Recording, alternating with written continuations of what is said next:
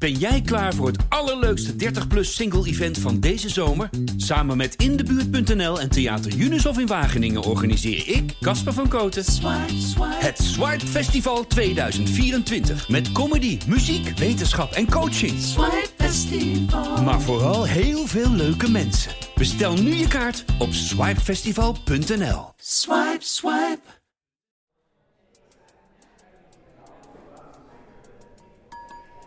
Het is 20 juli 2022. Ad K. staat samen met zijn vriendin Boukje en advocaat Vito Shkrula te wachten in de statige hal van het Amsterdamse gerechtshof. Iets meer dan een jaar eerder werd hij door de rechtbank vrijgesproken van de moord op drugsdealer Patrick van Dillenburg. Ad had die moord wel bekend aan een undercover agent, maar de rechtbank oordeelde dat die bekentenis niet gebruikt kon worden als bewijs. Het was volgens de rechter niet goed te controleren onder welke omstandigheden Ad die bekentenis had afgelegd. Maar het OM ging in hoger beroep. En vanmiddag doet het gerechtshof uitspraak. Zo op het eerste oog is Ad er koeltjes onder. Hij heeft er vertrouwen in dat ook het Hof hem vandaag zal vrijspreken. Want extra bewijsmateriaal is er niet. En daarbij komt dat niet lang geleden het gerechtshof in Den Haag in een vergelijkbare zaak Wim S. vrijsprak. Dank u wel. Ik herken u van de vorige uh, zitting en um, ook alle overige aanwezigen welkom vanmiddag. Um, ik hervat het onderbroken onderzoek ter terechtzitting in de stand waarin het zich bevond op 22 juni 2022 en ik sluit ook direct het onderzoek ter terechtzitting. En we zullen onmiddellijk uitspraak doen. Maar zodra de raadsheer aan het arrest begint, slaat de sfeer om. Het Hof acht hetgeen de verdachte op 27 september en 16 oktober 2018 aan undercoveragent Patrick heeft verteld, bruikbaar voor het bewijs. Het betreft hier, Broodje mevrouw. Het betreft hier geen verzonnen verhaal. Verschillende elementen uit deze verklaring zijn op grond van de feiten en omstandigheden in het dossier aantoonbaar juist gebleken. Daarnaast vindt het verhaal van de verdachte steun in ander bewijs. Het Hof acht dan ook wettig en overtuigend bewezen dat de verdachte van Dillenburg opzettelijk om het leven heeft gebracht. Ik ben onschuldig, mevrouw. Voorts acht het Hof bewezen dat de verdachte het lijk van Van Dillenburg verborgen heeft gehouden om dit feit te verhelen. Het oordeel is in hoger beroep bijna compleet het tegenovergestelde van dat van de rechtbank, ruim een jaar eerder. Een groot deel van het bewijs dat de rechtbank in Amsterdam afwees, wordt door het gerechtshof nu wel als bruikbaar beschouwd. De verdachte heeft zich in de periode 31 december 2001 tot en met 21 januari 2002 schuldig gemaakt aan de doodslag op Van Dillenburg. Ik ben onschuldig. Hij heeft dit gedaan door meerdere schoten op het hoofd van het slachtoffer af te vuren en, toen dit in de ogen van de verdachte niet afdoende was, met een hard voorwerp het hoofd in te slaan. De verdachte heeft hiermee Van Dillenburg beroofd van het meest kostbare dat een mens bezit, het leven. Ik ben onschuldig, mevrouw. Ik ben echt onschuldig. Ik wil u vragen om uw rust te behouden op dit moment. Ik ben bezig met het voorlezen van het arrest. De verdachte heeft vervolgens met zijn mededader, om ontdekking van deze levensberoving te voorkomen en de oorzaak ervan te verhelen, het lichaam van Van Dillenburg begraven en afgedekt met beton. Na enige tijd, uit angst voor ontdekking, hebben zij het lichaam opgegraven, het lichaam verschredderd en de resten uitgestrooid over een bollenveld. De verdachte is daarmee op een gruwelijke en respectloze wijze omgegaan met het lichaam van Van Dillenburg. Dit is uitermate schokkend voor de nabestaanden. De onschendbaarheid van het lichaam, ook dat van een overledene, is een belangrijk rechtsgoed. De verdachte heeft hier in zeer ernstige mate inbreuk op gemaakt. Het lichaam, dan wel de resten van het lichaam van Van Dillenburg, zijn tot op heden niet gevonden. Door het doden van Van Dillenburg en het nog steeds verborgen houden van diens lichaam, heeft de verdachte onherstelbaar leed, verdriet en pijn toegebracht aan de familieleden en andere naasten van het slachtoffer. Het Hof acht alles afwegende een onvoorwaardelijke gevangenisstraf van 16 jaar met aftrek. onschuldig, mevrouw. Ik ben onschuldig. Nogmaals, het is een broodje A-verhaal. De gevangenneming van de verdachte, omdat gelet op de ernst van het bewezen verklaarde feit 1, het Hof van Oordeel is dat de 12-jaarsgrond en de geschokte rechtsorde aan de orde zijn. Ik ben onschuldig. Dit is mevrouw. de uitspraak. U heeft twee weken de tijd om in cassatie te gaan. Yes. De uitspraakzitting wordt nu gesloten. Onze rechter is krom. Wat ermee?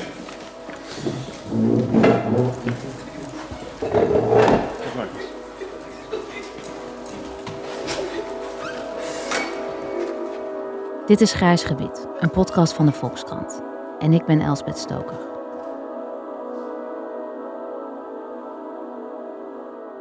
Ruim anderhalf jaar geleden maakte ik een podcast over de omstreden opsporingsmethode Mr. Big. En toen in februari 2022 de laatste aflevering af was, dacht ik dat zo ongeveer alles wel verteld was over die methode. Maar inmiddels zijn er heel veel dingen gebeurd. Dingen die ik, om eerlijk te zijn, niet had verwacht. En daarom heb ik besloten om toch nog één laatste aflevering te maken. Om je geheugen nog even op te frissen. Mr. Big is een undercover methode die de politie gebruikt bij moordzaken. Zaken waarin ze geen enkele andere mogelijkheid meer zien om tot een oplossing te komen.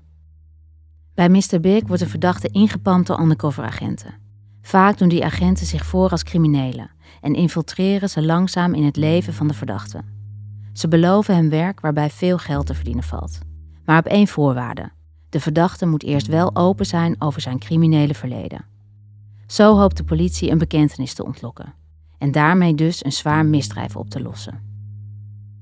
Dat klinkt misschien mooi, maar in eerdere afleveringen van deze podcast hoorde je dat deskundigen kritisch zijn. Zij vinden dat het risico op een valse bekentenis te groot is en dat de methode daarom eigenlijk niet gebruikt zou moeten worden. Het probleem is dat vaak niet goed te controleren is of een verdachte niet te veel onder druk is gezet om zo'n bekentenis af te leggen. In de eerdere afleveringen behandelde ik twee zaken waarin Mr. Big een hoofdrol speelt.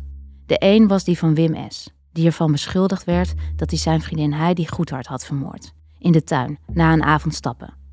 Ruim een jaar lang infiltreerde undercoveragent Joep in zijn leven en uiteindelijk bekende Wim de moord. Eerst werd hij veroordeeld, maar na een lange juridische procedure besloot de Hoge Raad dat de zaak over moest. En daarna werd Wim alsnog vrijgesproken. Het gerechtshof in Den Haag vond dat niet goed te controleren was hoeveel psychische druk de undercoveragenten op Wim hadden uitgeoefend. En ze konden niet uitsluiten dat Wims bekentenis een valse was. De andere zaak die ik behandelde was die van Atka. Atka kwam in beeld bij de politie omdat een anonieme tipgever had gemeld dat hij in 2002 betrokken zou zijn geweest bij de dood en verdwijning van de Amsterdamse drugscrimineel Patrick van Dillenburg. Hoewel het lichaam van Van Dillenburg nooit werd gevonden en er ook nauwelijks ander bewijs was, besloot de politie in 2017 om toch een undercoveractie op te zetten. Twee undercoveragenten sponnen een web van leugens rondom Ad en zijn op dat moment net nieuwe vriendin Boukje. Uiteindelijk bekende Ad de moord. Hij zei dat hij Van Dillenburg samen met een inmiddels overleden vriend, die Fred heette, eerst had proberen dood te schieten. Maar dat dat mislukte en dat ze hem daarna zouden hebben doodgeslagen. Ze zouden hem vervolgens hebben begraven onder een laag beton. Daarna weer hebben opgegraven, door een zwerder hebben gehaald en uitgestrooid hebben over een bloembollenveld bij Noordwijkerhout. Niet lang na die bekentenis werd Ad s'nachts opgepakt, op de woonboot waar hij samen met Boukje woonde. Maar Ad houdt daarna vol dat zijn bekentenis niet klopt. Alles wat hij tegen de undercoveragent had gezegd was verzonnen. Het was allemaal een broodje aap. Hij wilde gewoon indruk maken op de undercoveragent, die net als de slachtoffer heel toevallig ook Patrick heette.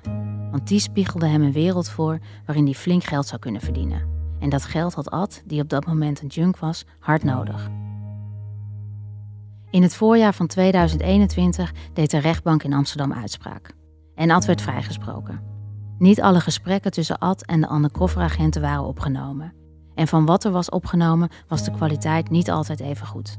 En dus vond de rechter dat het niet goed te controleren was hoe Ad tot zijn bekentenis was gekomen. Maar het OM ging direct naar die vrijspraak in hoger beroep. En wat er van dat hoge beroep is terechtgekomen, hoorde je aan het begin van deze aflevering. Ad wordt toch veroordeeld. 16 jaar gevangenisstraf. Hij gaat direct naar de veroordeling in cassatie. Dat betekent dat de Hoge Raad, de hoogste rechter, nog één keer naar de zaak moet kijken. Maar Daarbij wordt niet meer inhoudelijk naar alle details van de zaak gekeken. Alleen of het recht wel goed is toegepast. Oftewel of het gerechtshof geen fouten heeft gemaakt. Maar hoe kan het dat Ad nu wel veroordeeld is, terwijl er geen extra bewijs is en ook de omstandigheden gelijk zijn gebleven? Hoe kan het dat de ene rechter zegt dat een undercover traject niet goed te controleren is en dat de andere in hoger beroep het blijkbaar wel allemaal goed genoeg vindt.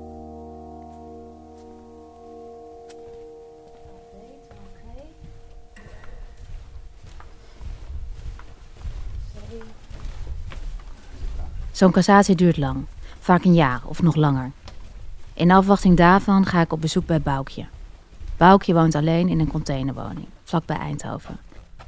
Ik heb met haar afgesproken op een zonnige zomerdag. Het is die dag toevallig precies een jaar geleden dat Ad veroordeeld werd. Hallo. Hallo. Hoi, hoe is het? Goed, kom binnen. Voor een containerwoning is het best ruim. 32 vierkante meter, met uitzicht op de maisvelden. Aan de muren hangen schilderijen, door Boukje zelf geschilderd. Het is trouwens niet dezelfde container waarin ze eerder met Ad woonde. Daar moest ze afgelopen voorjaar uit. Maar toch staan er overal spulletjes van hem. Toch heb ik het idee dat dit ons huisje is. Het staan zijn spullen ook, het zijn onze spullen. Maar... Kan je vertellen, wat is er van Ad? Wat maakt het uh, jullie huisje? Uh, ja, Ad is echt, uh, heeft heel veel gereisd. Die heeft allemaal een tempeltje, van een boeddhistisch tempeltje, foto's van zijn dochter en ja, alle, zijn messenset. Hij is natuurlijk chef, dus allemaal dat soort oh, ja, dingen. Hier ligt die rol met messen, of niet? Ja, ja, ja. En, een, uh, en de step is van Ad. En, ja, ja, de plantjes, ja, eigenlijk van ons samen. Ja, eigenlijk alles is eigenlijk gewoon ons. Ja. Ja. Ja, wij hadden ook opeens van, oh jee, het is vandaag gewoon een jaar geleden. Dus het is ook wel een bijzondere dag wat dat betreft. Of eh, was jij je daarvan bewust dat het ja, precies een jaar geleden was? Ik ben me zeer van bewust. Ja, ja, ja. En wat, uh, met wat voor gevoel werd je vanochtend wakker? Ja, ja, het duurt gewoon veel te lang. Maar ik ben me daar elke dag van bewust. Dus ik weet, gisteren was ik me ervan bewust dat het uh, één jaar min een dag was. En, uh, dus op zich, qua gisteren en vandaag scheelt niet veel. Maar wel dat je echt denkt, wow. Want hij heeft eerst al 735 dagen in voorarrest gezeten. En nu dan ja, een jaar precies er nog bij ja, is gewoon bizar eigenlijk. Ja. En hoe gingen jullie daar naartoe, s ochtends? Ja, het was sowieso de laatste week al heel spannend. Ik heb zelf wel de dag van tevoren gewoon gewerkt. Als ik dan geweten had dat dit de uitspraak was, dan uh, waren we wel iets leuks gaan doen. Ja, we hadden eigenlijk niet eens koffer ingepakt of geen tas gepakt. We zijn er gewoon naartoe gegaan. Maar ondanks dat Ad vastzit, spreken ze elkaar bijna elke dag.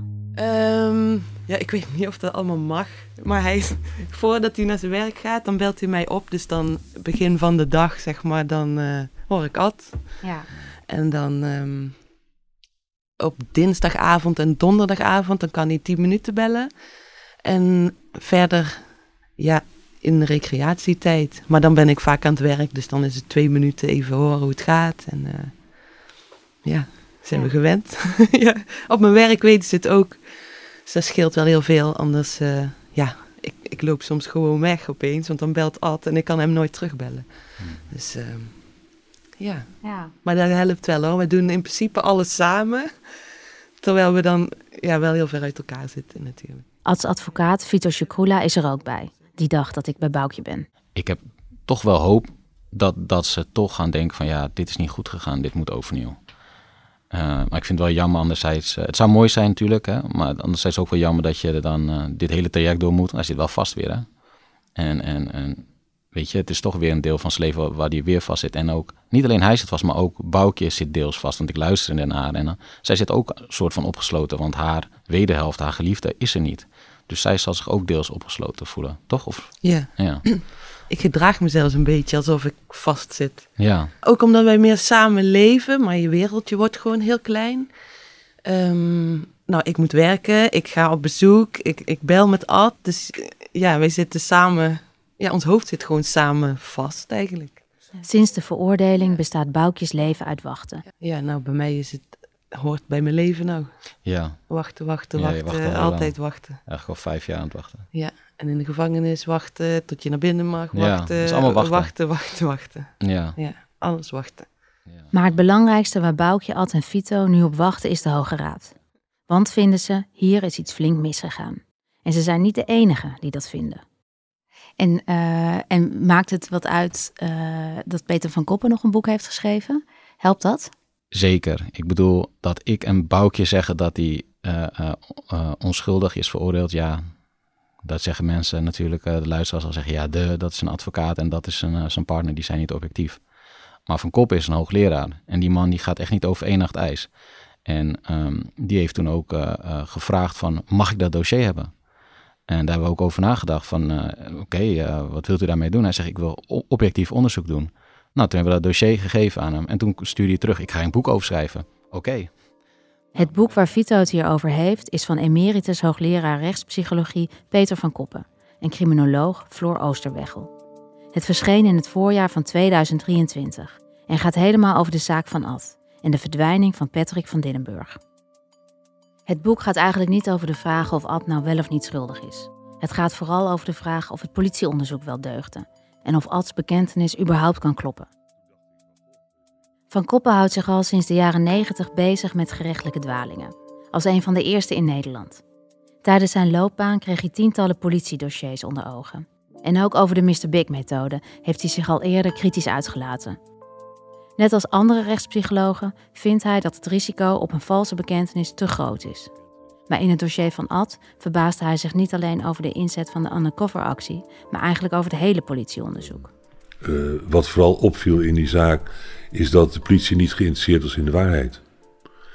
En dat is een, iedere vervolgvraag die je zou kunnen stellen, wordt niet gesteld.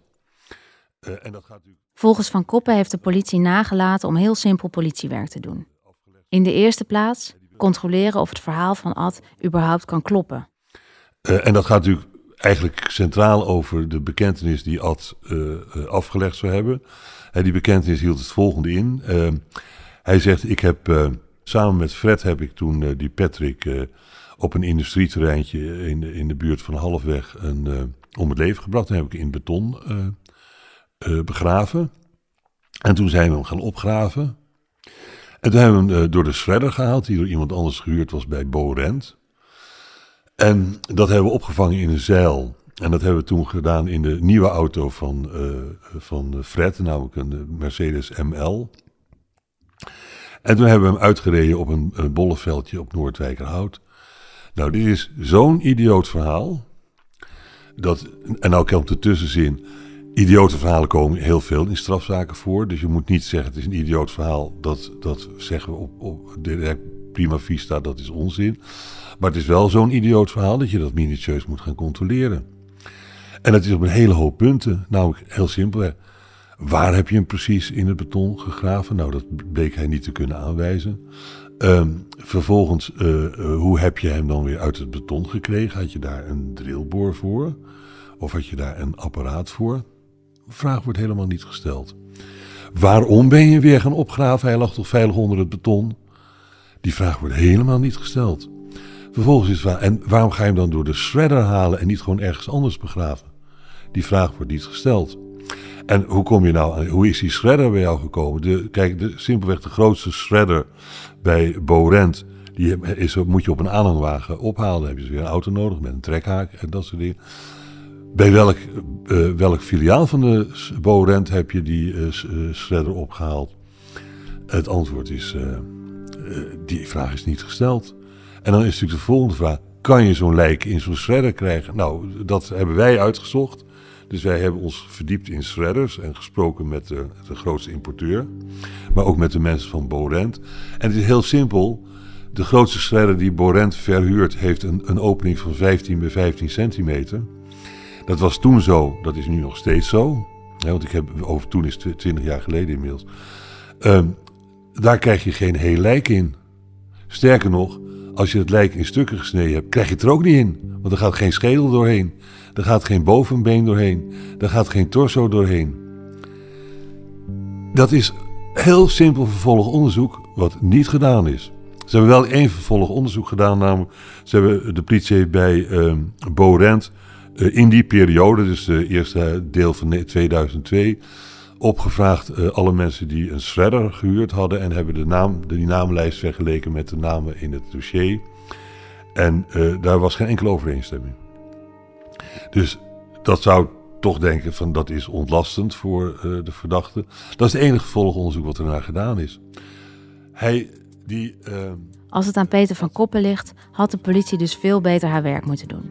Niet alleen om te controleren of die bekentenis wel kon kloppen, maar ook om te controleren of Patrick van Dillenburg wel echt dood is. Of dat er niet iets anders met hem gebeurd is in 2002. Want van zijn lichaam is nooit iets teruggevonden.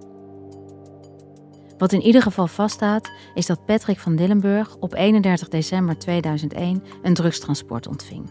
Van een koerier die met 46 kilo kook van Suriname naar Schiphol was gevlogen. Maar in de periode ervoor waren twee andere drugstransporten van hem gestolen. Van Dillenburg stond dus onder spanning. Hij was bang dat hij nog een keer geriept zou worden. Om dat te voorkomen had hij zijn vriend Fred gevraagd om mee te gaan, als een soort bewaker. En Fred nam op zijn beurt Ad mee. Ad was in die tijd bevriend met Fred en daarna zwaar verslaafd aan drugs. Het blijkt een slimme set van Van Dillenburg om de twee bewakers mee te nemen. Want op Schiphol zit hij inderdaad de ripper staan. Maar hij weet de drugs die dag toch veilig mee te nemen. Alleen, een paar dagen later verdwijnt Van Dillenburg en is het onduidelijk waar de drugs zijn gebleven. De politie gaat ervan uit dat Ad samen met Fred verantwoordelijk is voor de verdwijning. Maar volgens Van Koppen zijn er veel meer scenario's mogelijk. Want Patrick verdween heel vaak zomaar. Het was een man die, die uh, laten we zeggen, internationaal leefde en een stapeltje paspoorten had. Uh, veel in Colombia zat, veel in Suriname zat, ook vooral veel in Brazilië zat. Maar er zijn ook verhalen dat hij nog eens vaak in Afrika zat. En hij had, voor die tijd had hij tegen verschillende mensen gezegd: Nou, binnenkort uh, duik ik onder. en dan, dan hoor je niks meer van me. Uh, dus het alternatieve verhaal is, want kijk, de, de kern van de zaak is, er is natuurlijk ook geen lijk. Het alternatieve verhaal is dat Patrick ergens uh, ondergedoken zit uh, in de zon, bang voor die rippers. En er zijn tenminste drie groepen interessant. Volgens Van Koppen blijkt uit het dossier dat er ook nog andere baat gehad zouden kunnen hebben bij de dood van Van Dillenburg. In zijn boek schrijft hij over drie andere dadergroepen. Die noemen we hier niet bij naam, omdat we ze niet om weerwoord hebben kunnen vragen. Naar die drie uh, redelijke goede kandidaten als moordenaars van Patrick van Dillenburg is geen enkel onderzoek gedaan. Noppie, nada. Dat is curieus. Uh, dus wie gaan we dan onderzoeken? We gaan Ad onderzoeken. En Ad is, was toen de tijd een, een junk. Hij is nog steeds een junk. Nou, misschien nu niet, nu in de gevangenis zit. Maar hij heeft een lang junkenleven achter de rug. Hij woog toen uh, 49 kilo. Dat is ook niet iemand die je met zo'n gewicht een, uh, iemand dood ziet slaan, maar oké. Okay. Um, uh, Want wat zou je normaal in zo'n moordzaak moeten doen? Als je, nou, als je denkt van, goh, ik ga die cold case toch een keer afstoffen, van de plank halen, ik ga hem toch onderzoeken. Wat zou een normale gang van zaken zijn? Nou, de normale gang van zaken is natuurlijk dat je met getuigen gaat praten. Dat je uh, om uh, de mensen die je verdenkt gaat praten. Dat je dan met het politieteam bij elkaar gaat zitten en zegt, nou, wat voor zijn de reële scenario's in deze zaak. Nou, die zijn er vijf eigenlijk. Eentje, Patrick van Dillenburg ligt ergens in de zon. En dan zijn er vier uh, uh, groepen kandidaat voor, om hem vermoord te kunnen hebben. Waarvan Ad en Fred er één zijn. En, en die ga je dus uit, uitrechercheren. En, je, en op een dan, ja, dat heet dan zoeklijnen. Dus je, je, je hebt gegevens, daar zoek je op door. En op een moment loopt het dood. Of kom je erachter dat het een onzinzoeklijn is en dan stop je ermee en dat schrijf je dan netjes op en dan zeg je, nou, we hebben dat uitgezocht. Uh, en dat, dat is dus gewoon helemaal niet gebeurd. Hey, en hoe groot acht jij nou de kans dat, uh, dat Patrick uh, gewoon ergens lekker in de zon ligt? Daar kan ik niks zinnigs over zeggen. Uh, simpele reden, ik kan er niks zinnigs over zeggen, omdat het niet serieus uitgezocht is. Want nu komt het antwoord. Er is natuurlijk wel door de politie geïnvesteerd in onderzoek naar de vraag, ligt hij ergens in de zon? Nou, dan, uh, uh, dat heeft men als volgt gedaan. Men heeft een, aan de Braziliaanse autoriteiten en aan de Surinaamse autoriteiten een rechtshulpverzoek gedaan. Wat, waar de kern van eigenlijk was van, is er iemand onder de naam Patrick van Dillenburg bij jullie in de burgerstand ingeschreven? En het antwoord, zowel Brazilië als Suriname, was nee. Ja, wacht even. Als Patrick van Dillenburg ondergedoken is, dan is de naam die je gebruikt niet meer Patrick van Dillenburg. Dus nou ja, dat is dus ook zo'n. zo'n we, we, willen het gewoon niet weten. Daar komt het eigenlijk om neer. Als je van koppen zo hoort praten, klinkt het eigenlijk ondenkbaar dat iemand op basis van zo'n gammel onderzoek is veroordeeld tot 16 jaar cel. Maar toch is het gebeurd. Het is, het is uh, zo'n ontzettend vage soep. En iedere keer als je ergens je vinger in die soep steekt, dan denk je: hè? En waarom heb je deze vraag niet gesteld? En waarom heb je dit niet uitgezocht? En dit is dus een volledige opstapeling van we willen het gewoon niet weten. Maar dit heeft dus op geen enkele manier iets met een beetje serieus politieonderzoek te maken. En het is zorgelijk dat op, op basis van zo'n dossier deze man uh, veroordeeld is.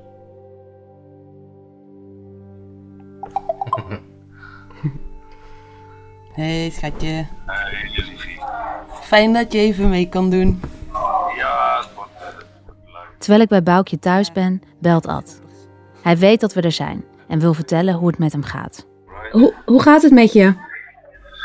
Uh, ja, ups en downs. Het uh, duurt lang. Ik uh, blijf positief omdat het naar mijn gedachten toch niet in eerste instantie af is geweest. Dus mijn hoop is dat ze er beter naar kijken. En als ze er echt goed naar kijken, dan weet ik dat het goed komt. Zoals je kon horen aan het begin, werd Ad direct na zijn veroordeling meegenomen. In eerste instantie werd hij in de gevangenis in Dordrecht geplaatst. Maar vrij snel erna werd hij overgeplaatst naar Vught, zodat het voor Boukje en zijn familie makkelijker is om hem te bezoeken. Daar zit hij op een afdeling met elf anderen. Altijd uh, al van mannetjes. Dag één heb ik er uh, eigenlijk al meteen uh, afscheid van genomen. Dus ik, ik doe niet mee aan die avondgooi. Ik ben heel op mezelf, ik lees veel, kijk tv. Ik kan me eigenlijk goed vermaken beetje mediteren. Ja, lichamelijk gaat het slecht. Veel klachten. Wat, wat voor klachten heb je? Uh, maagd, uh, hartklachten. Ik heb vandaag weer een afspraak in het ziekenhuis voor een scan.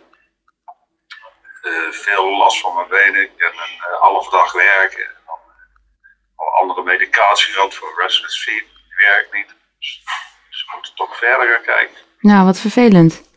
Een vlekje op mijn longen wat aan het groeien is ja, ik ben blij dat Boukje de ene week één keer en de andere week drie keer op bezoek komt. Wat voor haar ook moeilijk is natuurlijk, want ze hebben gewoon een reguliere baan. We hebben één keer in de maand VZT. Wat is dat? Dat is een uh, kamerbezoek zonder okay. toezicht. Daar staat een bed, een koffie, sinds kort een koffieapparaatje. Het is wat uh, aangekleed de laatste tijd. Maar uh, ja, dat is meer ons knuffeluurtje. Boukje en Ad hebben sinds 2017 een relatie. En toen ik ze twee jaar geleden ontmoette, viel al meteen op hoe verliefd ze waren. Terwijl het eigenlijk geen mensen zijn die je bij elkaar zou verwachten. Ad is 53 en Boukje begin 40. Ad is jarenlang drugsverslaafd geweest en heeft, voordat hij Boukje leerde kennen, vastgezeten in Thailand, Spanje en op Aruba. Boukje is kunstenares en werkt in een kringloopwinkel. Ze moet niets van drugs hebben. En inmiddels is Ad ook wel van de drugs af. En dat komt mede door deze zaak. In de gevangenis wordt je gecontroleerd. Als hij wel gebruikt, mag hij voor straf minder bezoek ontvangen. En dat betekent dat die Boukje dan minder vaak zou zien. Want ondanks alles zijn ze nog steeds smoorverliefd op elkaar. Ja, ja aan Ad is niks verkeerd. Wij staan, maar dat is echt perfect. Alleen de situatie is gewoon, uh, ja, zo, uh, pff, ja. zo heftig. Om de moed erin te houden, verzinnen ze samen projectjes. Um, nou, ik heb bijvoorbeeld een keer... Um, in de gevangenis heeft niemand plantjes. Dat kan niet, dat mag niet. En wij houden heel veel van plantjes. We hebben ja, allemaal leuke planten staan. En dan heb ik op een gegeven moment ben ik um, ja, zo'n sprietenplant. Heb ik die blaadjes gekopieerd. En heb ik daar een soort bouwpakketje van gemaakt. Dat hij daar, die heb ik uitgeprint. Heeft hij in de gevangenis, dus in Vught, heeft hij die blaadjes zitten uitknippen. Heeft hij schaar moeten regelen bij de bewaarders en zo. En dan heeft hij zelf een paar van die sprietenplanten gemaakt. en toen uh, waren de buurjongens, de buurmannen, die waren ook... Uh, enthousiast. Dus heb ik er nog wel meer geprint. Dus hebben we meer van die jongens daar. Allemaal van die plantjes zitten knutselen. Ja, gewoon positief, positief blijven. Dat is dan een paar dagen kan het echt niet hoor. Maar dan, uh, ja, daarna weer wel. Ja, ik voel me net, net een soort. Ik ben dan de vrije uitloopkip en hij is de legbatterijkip. Hij moet. ja. ja. ja. merk aan Ad, Boukje en Vito hoe hoopvol ze zijn. Hoopvol dat de Hoge Raad zal beslissen dat de uitspraak van het gerechtshof vernietigd wordt en de zaak opnieuw moet worden behandeld. Maar ik weet ook, en zij eigenlijk ook, dat in praktijk heel vaak een cassatieverzoek wordt afgewezen. Misschien is dit een goed moment om heel even kort uit te leggen hoe zo'n cassatie precies in zijn werk gaat. Na een uitspraak van het gerechtshof kan je als verdachte in beroep gaan. Dan wordt een proces in gang gezet bij de Hoge Raad. Die gaat dan kijken of het gerechtshof zijn werk goed heeft gedaan en of het recht goed is toegepast. Inhoudelijk wordt het dossier dus niet opnieuw tegen het licht gehouden. Vast onderdeel van de cassatieprocedure is het advies van de advocaat-generaal, de AG. Die brengt in aanloop naar de uitspraak eerst een advies uit aan de Hoge Raad over wat hij of zij vindt dat de Hoge Raad zou moeten beslissen. En in de praktijk is het zo dat de Hoge Raad dat advies in veel gevallen overneemt van de advocaat-generaal. En een paar weken nadat ik bij Boukje ben geweest, komt dat advies. En daarin staat, samengevat, dat de AG vindt dat het gerechtshof de wet goed heeft toegepast. De Hoge Raad zou dus, wat de AG betreft, de uitspraak van het gerechtshof in stand moeten houden. En dat zou betekenen dat, als de Hoge Raad dit overneemt, Ad dus gewoon vast blijft zitten. Om eerlijk te zijn, ik zou dat een ongemakkelijke uitkomst vinden. Want ik weet natuurlijk niet of Ad van Dillenburg heeft vermoord. Maar ook ik heb het dossier gelezen. En natuurlijk ook het boek van Peter van Koppen. Los van de bekentenis is er gewoon niet heel veel bewijs tegen Ad. En volgens Van Koppen kan die bekentenis dus überhaupt niet kloppen. Al was het maar omdat een lijk simpelweg niet in een shredder past. Als ik zelf in de Hoge Raad zou zitten, zou ik op zijn minst nieuwsgierig worden naar het boek van Peter van Koppen. En ik zou willen weten of het kan kloppen wat hij zegt. Ik ben wel benieuwd hoe de Hoge Raad met zulke situaties omgaat. Dus ik nodig Sven Brinkhoff uit. Hij is hoogleraar strafrecht aan de Universiteit van Amsterdam en kwam in een eerdere aflevering ook al aan het woord. Voor de duidelijkheid, hij is niet betrokken bij de zaak. Hij volgt het alleen van een afstandje. Ik wil van hem weten hoe hij ernaar kijkt. Was je zelf verbaasd door, over de veroordeling van Adka? Ja, want ik vond de uitspraak van de rechtbank Amsterdam, integrale vrijspraak van Adka, vond ik een hele terechte. Vanwege twee redenen. Eén, vanwege de inzet van de methode, uh, hoe daarvan verslag wa was gedaan. Uh, en dus ja, het rechtmatigheidsstuk. Maar zeker ook de bekentenis afgezet tegen wat de rest van het dossier nou eigenlijk bevatte aan belastende informatie. En dat was echt aan de hele dunne kant. Uh, tot en met het niet aantreffen van een lijk. Eigenlijk niet eens weten of Patrick van Dillenburg nou door een misdrijf om het leven is gekomen. De, het Hof is toch wel heel erg wat dat betreft op aannames gezeten. Het kan niet anders dan dat deze persoon overleden is en dat het ook door een misdrijf is. Maar echt keihard bewijs daarvoor is het natuurlijk niet. En dat maakte dat ik uh, veel meer kon instemmen met het rechtbankvonnis die had vrijsprak. Ja. Ik hoop uh, dat de Hoge Raad wederom, want dat hebben ze in eerdere zaken ook gedaan, kritisch gaat kijken naar hoe deze undercover methode, hoe dit Mr. Big traject van A tot Z is gelopen. En misschien nog meer duidelijkheid over geeft wat wij van politie en OM verwachten op dat terrein. Qua transparantie, qua uh, die auditieve en audiovisuele verslaglegging, die er in deze zaak voor een deel is, maar op cruciale momenten ook weer niet. Dat hele verhaal, dat dat, dat de Hoge Raad daar nog meer over gaat vertellen. Wat ze daarvan eigenlijk verlangen van rechters. dat hebben ze in een eerdere zaak wel gedaan. Maar nu wordt eigenlijk een nieuwe vraag opgeworpen van hoe verplichtend is nou om dat hele traject altijd helemaal audiovisueel vastgelegd te hebben. En daar is het Hof is daar wat milder in. Die zegt nou, dat is niet verplicht. Een deel is ook al goed. Nou, Daar ben ik onder andere benieuwd naar wat de Hoge Raad daarvan vindt. Ja, en ook, en ook natuurlijk, gewoon als je heel, echt dit traject helemaal zo bekijkt, is hier nou te veel druk geweest, te veel beïnvloeding, eh, waardoor je uiteindelijk moet zeggen, die bekentenis is gewoon onrechtmatig verkregen onder te veel druk. Dat is ook een belangrijke vraag voor de Hoge Raad om hier te beantwoorden. Dus wat jou betreft moet de lat gewoon nog hoger Nog liggen. hoger. En daar zou dus de Hoge Raad in de lat nog weer iets hoger leggen. Zou de Hoge Raad weer richtinggevend in kunnen zijn. Dat hebben ze in de Kaatsheuvelzaak gedaan. Nou, dit kan een volgende stap zijn. Ja. Stel nou dat de Hoge Raad de veroordeling van de ADK in stand houdt. Hè? Mm. Wat voor gevoel beklijft dan bij jou? Ja, kijk, uh, schuld, onschuld, uiteindelijk, wij allemaal weten niet. De enige die daarbij is geweest is de verdachte. Dus dat is altijd moeilijk om je daar aan te branden. Maar deze zaak, uh, gewoon vanwege die punten van hoe de methode is ingezet, maar ook vanwege de hoeveelheid wat in belastende zin naar hem toe gaat, ja, vind ik, vind ik persoonlijk gewoon te dun. Dus het zou dan wel een ongemakkelijk gevoel geven als deze persoon tot aan de hoogste instantie wel voor dit delict wordt veroordeeld. Dat zou een heel ongemakkelijk gevoel geven. Ja. Maar uiteindelijk wordt er met name gekeken, heeft het Hof eigenlijk zijn huiswerk goed gedaan? Dus heeft, ze, heeft het Hof eigenlijk goed opgeschreven, alle stapjes die ze hebben genomen. Dus wat betreft hoe de methode is ingezet, of dat afdoende was, maar ook het bewijs in zijn geheel. En daar kijkt de Hoge Raad met name naar. Dus eigenlijk naar best wel heel veel en eigenlijk ook meer dan dat je zo op het eerste oog zou denken. En, um, maar nu ligt er ook een boek hè, van Peter van Koppen. Dat is gepubliceerd nadat uh, Atka veroordeeld is. Mhm. En hij zegt eigenlijk van nou ja, die hele bekentenis... en dat, de bekentenis is nogal een belangrijk onderdeel van de veroordeling. Dat kun je zeggen. Ja, die hele bekentenis uh, kan niet kloppen. Gaat de Hoge Raad daar nog naar kijken? Want dat die, is... die kans is wat kleiner, omdat het op hofniveau niet echt een rol heeft gespeeld. Dus dan is de kans kleiner dat de Hoge Raad daar iets mee doet. Op dit moment. En kan je er wel op een ander moment wat mee? Nou ja, dat is een beetje een kristallen bol kijken. Stel dat de Hoograad dus de lijn van de AG en het Hof volgt en een advocaat wordt schuldig bevonden. Dan kun je later misschien nog aan een herzieningsverzoek denken. En dan zou je dat boek nog in kunnen brengen als een novumgrond, dus als iets nieuws. Wat echt de fundamenten onder die bewijsbeslissing eh, weg had, namelijk de waarachtigheid van de bekentenis. Dat zou je nog kunnen doen. Uh, maar ja, dat is heel erg in een kristallen bol kijken en heel erg ver ja, naar de toekomst verdedigd als het ware. Ja, want hoe lang zou zo'n procedure dan nog duren? Ja, dat duurt jaren.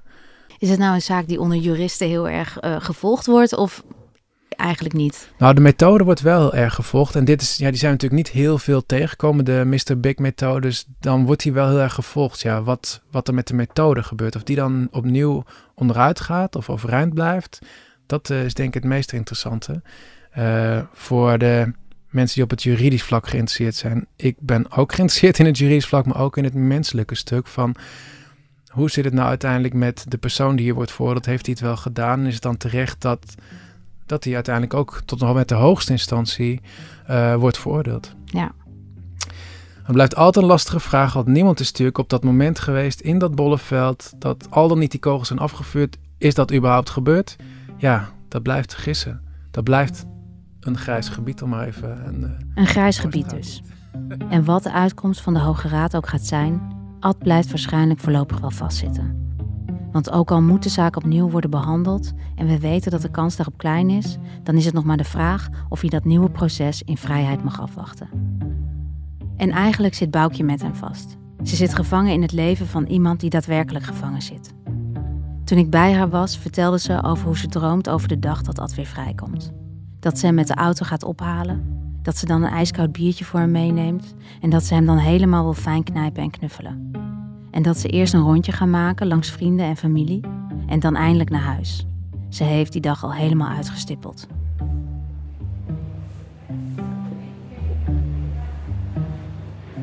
Op 12 december is het zover. Ik ben in Den Haag, in het chique gebouw van de Hoge Raad, waar zo de uitspraak gaat zijn in de zaak van Ad. Eigenlijk zou de uitspraak al een maand eerder zijn. Maar dat werd op het allerlaatste moment uitgesteld. Wat de reden daarvoor is, wil de Hoge Raad niet zeggen. Ik heb afgesproken met Boukje en Vito in de gang. Ad mag er niet bij zijn vandaag. Althans niet in persoon. Blijkbaar is het niet gebruikelijk dat gedetineerden bij uitspraken van de Hoge Raad zijn.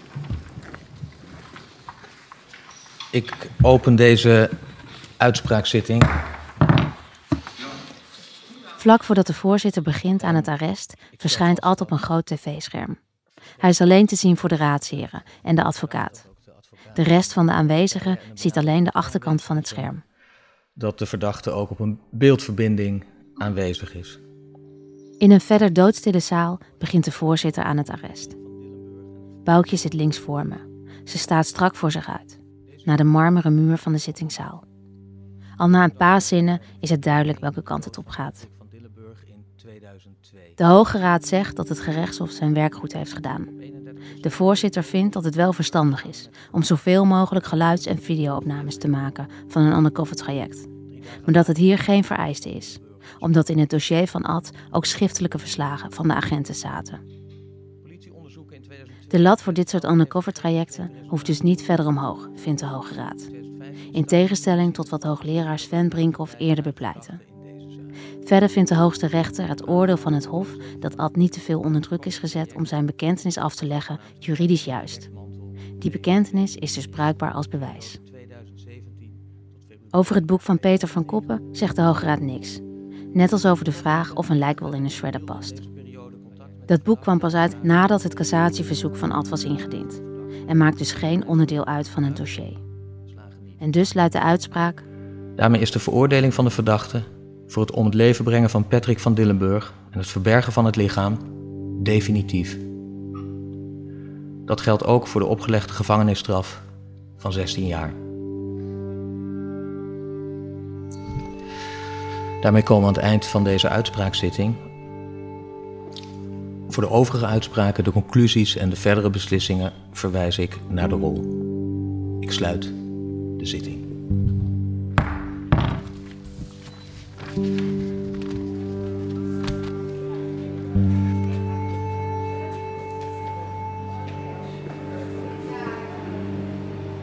Ik heb afgesproken om na de zitting nog even met Boukje en Vito te spreken. Ze zitten in een kamertje op me te wachten. Boukjes ogen zijn rood van de tranen. Ze heeft Ad aan de lijn.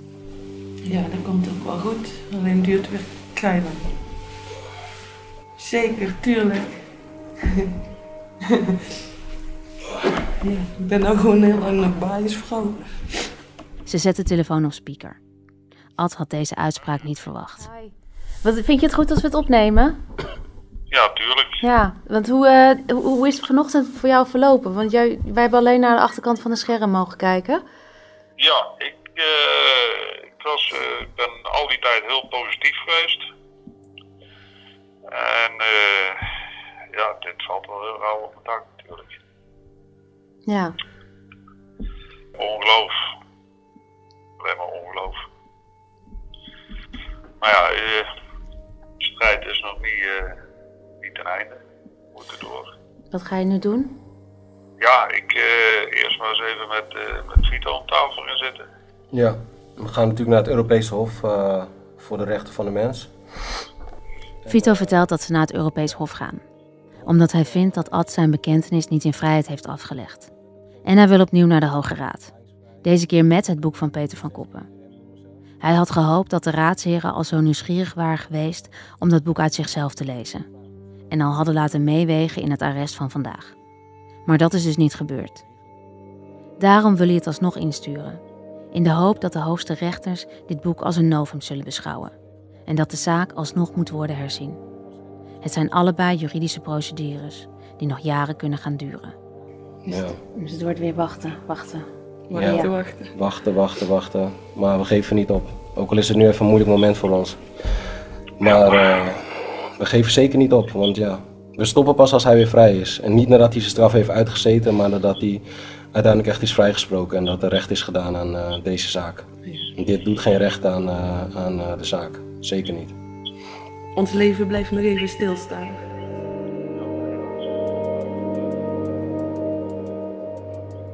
Dit was Grijs Gebied, een podcast van de Volkskrant.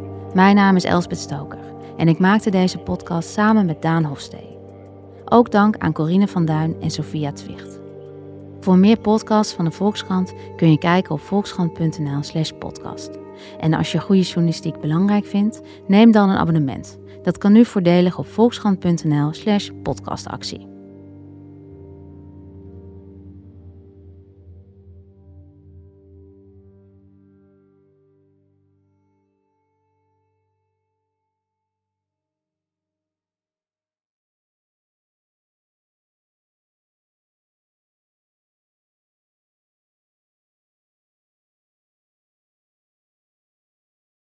Ben jij klaar voor het allerleukste 30-plus single-event van deze zomer? Samen met Indebuurt.nl en Theater Junushof in Wageningen organiseer ik, Casper van Koten, het Swipe Festival 2024. Met comedy, muziek, wetenschap en coaching.